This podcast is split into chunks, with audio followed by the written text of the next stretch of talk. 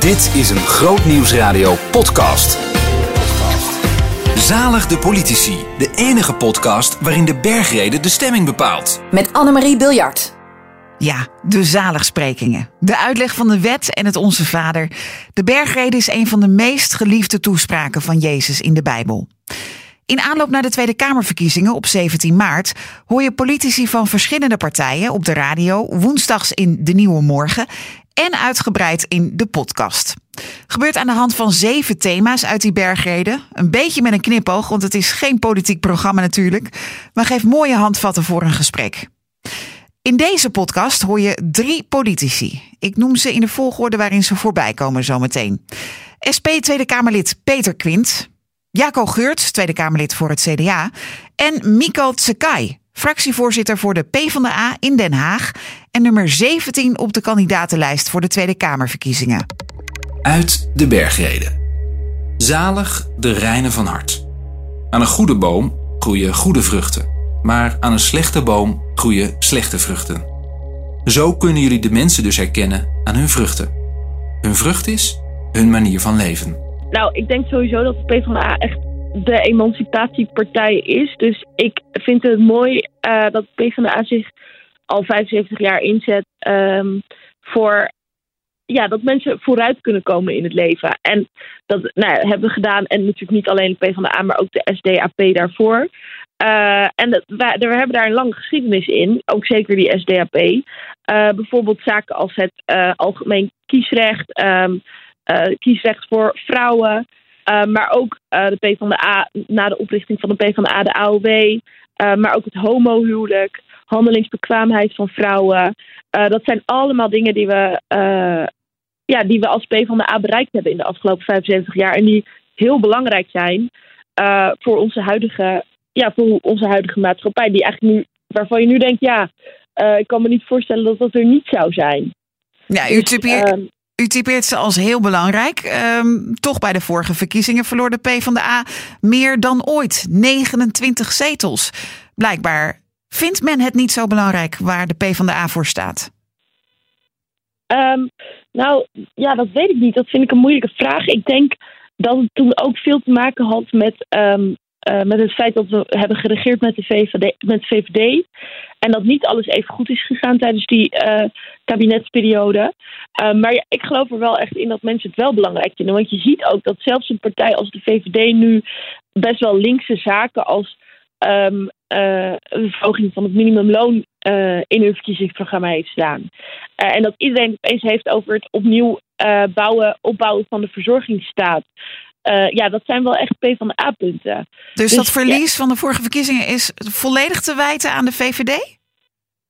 Nee, dat is natuurlijk, nee, nee, dat zeg ik natuurlijk niet. Uh, ik denk dat het te wijten is aan het feit dat we um, toen meegeregeerd hebben met de VVD en dat we een aantal zaken uh, die onze kiezers heel belangrijk vonden, uh, dat, we, dat we daar niet goed mee om zijn gegaan. zoals bijvoorbeeld de sociale werkplekken, het leenstelsel.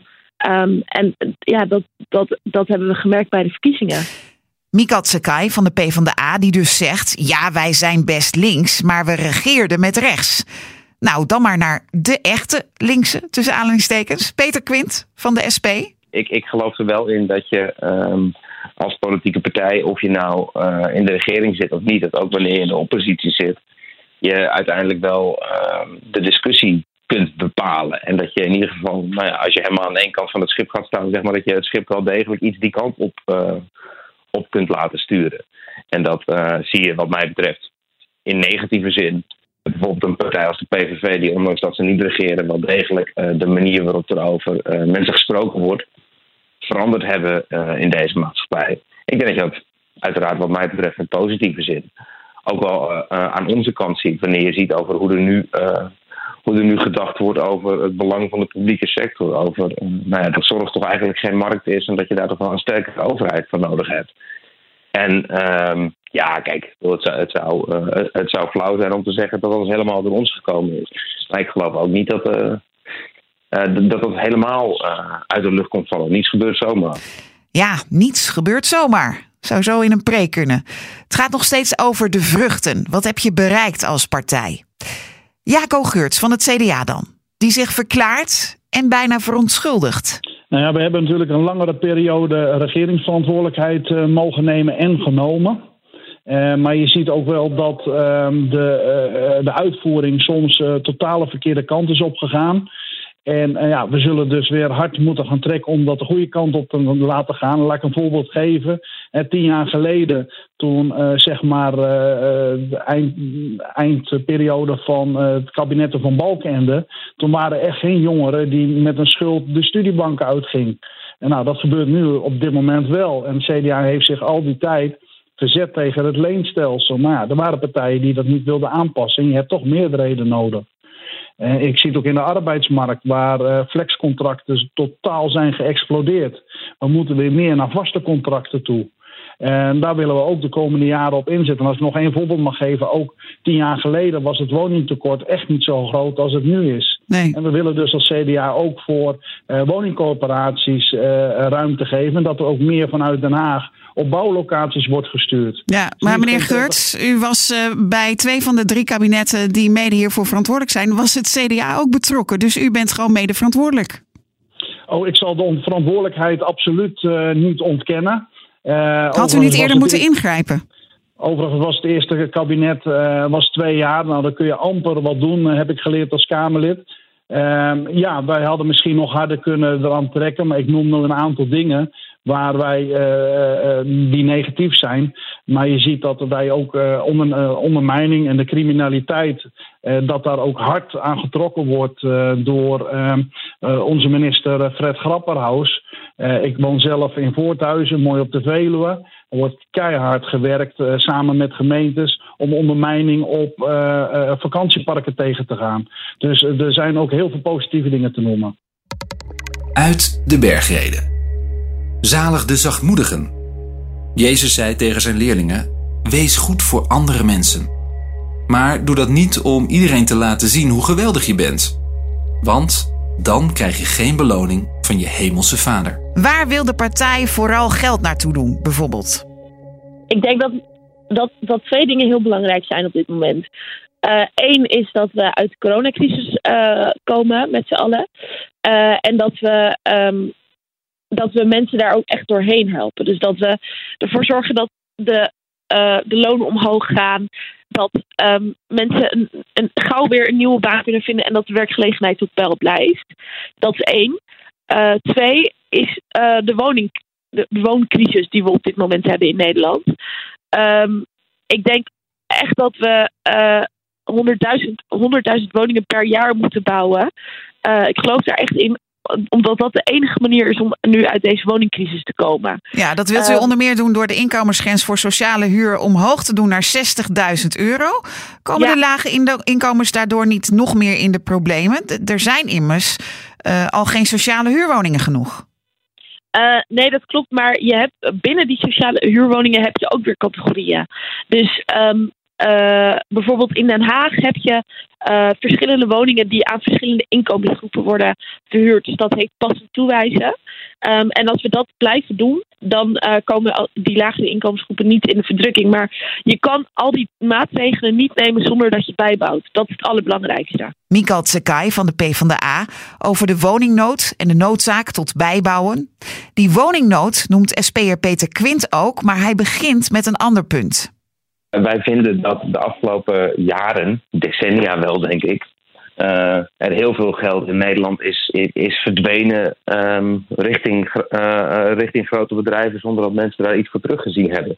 Je ziet dat zeg maar, het reële besteedbare inkomen, dus wat je gewoon ook qua koopkracht echt in je portemonnee hebt, dat blijft al een jaar of veertig voor grote delen van Nederland hetzelfde. En ja, dat, dat, je, je ziet ook in de publieke sector dat daar uh, veel geld verdwenen is. Dus uh, de, de, de huren zijn veel, uh, veel hoger geworden en steeds minder mensen kunnen een woning vinden. De mensen die het wel kunnen vinden, die zijn steeds meer geld aan, aan die woning kwijt. En daarnaast zie je ook dat er grote problemen zijn in de zorg. Nou ja, bij de politie hebben we de afgelopen tijd kunnen zien. Um, maar ook in, in onderwijs. Er is een gigantisch lerarentekort. klassen zijn onnodig groot. En uh, wij geloven wel dat je ook, uh, nou ja, door daarin te investeren, zullen we ook door als overheid durven te investeren in dat wat, uh, wat van ons allemaal is. dat je daardoor een betere samenleving krijgt, waarin mensen nou ja, meer gelijke kansen hebben. Uit de bergreden. Zalig zijn de reinen van hart. Als je ja zegt, moet dat ook ja zijn. En als je nee zegt, moet dat ook nee zijn. Jaco Geurts van het CDA. Um, ik hoop dat dat wel uh, gezien wordt. Um, maar um, uh, je moet ook kijken dat je meerderheden krijgt. ik kan heel hard zeggen dat ik A wil. Maar als ik daar geen meerderheden voor krijg, dan, dan, dan bereik ik dat niet. En ik vind die polarisering en die enkelzijdige benadering van problemen, dat vind ik echt wel een probleem. Ja, dat vindt u een probleem. En dat staat ook in het verkiezingsprogramma. Daar wordt terecht opgemerkt dat de politiek het zichzelf ook moet aantrekken. Dat de samenleving polariseert en versnippert. Het debat verhardt. Uh, ook omdat politici graag zichtbaar willen zijn. In hoeverre trekt u zich dit zelf aan? Ja, eh, als ik voor mezelf mag spreken, uh, ik krijg regelmatig uitnodigingen voor televisieinterviews en anderszins. En het is bij mij niet gelijk dat ik vooraan sta om, om dat te doen. Ik denk altijd wel van, kan ik mijn boodschappen goed brengen? Um, dus ja, ik vind ook gewoon als Kamerlid. Um, Soms, soms zijn er partijen waar je al afgerekend wordt hoe vaak je in een krant hebt gestaan. En dat is dan de plek die je op, je nieuwe, op, de, op de nieuwe lijst krijgt. Nou, gelukkig bij het CDA worden er ook hele andere afwegingen gemaakt van hoe, uh, hoe doe je je werk, hoe kijk je naar wetgeving en hoe probeer je ook het, nou, het verdachtegoed van het CDA uh, ook in je werk als Tweede Kamerlid en te controleren van het kabinet naar voren te brengen. En ik denk dat je dan, ja, je kunt niet met z'n allen elke avond op de, op, op de televisie of op de radio zijn. Nee, laat u dat liever over aan collega Omzicht? Uh, nou, uh, u noemt nu een collega, maar ik heb nog, acht, nog 17 andere collega's die. Nou ja, hij is heel zichtbaar, hè? Hij is zeker heel zichtbaar. Dat doet hij ook namens de CDA-fractie. Hij zit ook geruime tijd in de Tweede Kamer en dat heeft hij zelf ook wel eens gezegd. Je moet hier toch wel een jaar of vier, vijf je kamerwerk gedaan hebben om te weten hoe het werkt en hoe je effectief kunt worden. En nou, ik ga nu mijn nieuwe periode in. Ik hoop althans dat ik gekozen mag worden. En nou ja, ik heb heel veel ervaring meegebracht, uh, uh, ook voor de nieuwe periode. Ik weet al een beetje hoe de hazen lopen in de Tweede Kamer. Ik voorspel dat u uh, positief gaat antwoorden op deze vraag. Doet de Partij van de Arbeid wat ze zegt? ja, ja. Dat is um, niet zo verrassend. Denk, nee, dat is niet zo verrassend. ik denk wel dat um, in het Nederlandse politieke stelsel van polderen, polderen, polderen uh, dat, dat je heel snel um, gedwongen wordt tot compromissen, compromissen uh, als politieke partij. En dat, dat is soms moeilijk uit te leggen aan mensen. Um, en dat begrijpen mensen ook niet altijd, wat ik wel, dan ook wel weer snap. Um, maar de PvdA partij die staat voor haar idealen. De PvdA van oudsher een arbeiderspartij. Eh, de arbeiderspartij. Als je kijkt naar eh, de manier waarop de partij ooit ontstaan is. Voor de gewone man, voor de arbeider. Toch, toch ben je als politicus niet echt een doorsnee arbeider. Uh, al helemaal niet als je kijkt naar het, naar het salaris. Dat, dat voelt een beetje tegenstrijdig. Snapt u dat? Um, ligt eraan over, over welke politici u het heeft. Als het gaat op, op landelijk niveau, dan heeft u daar zeker gelijk in. Maar als het gaat op lokaal niveau, dan uh, is dat niet het geval. Ja, u bent dus, wellicht straks landelijk politicus. Ja, dat klopt. Ja, dat klopt. Maar ik denk dat um, je salaris niet je, je, je mindset bepaalt of je politieke standpunten. Kijk, ik kom mijn ouders zijn, uh, uh, mijn moeder is schoonmaakster en mijn vader is beveiliger bij de KLM.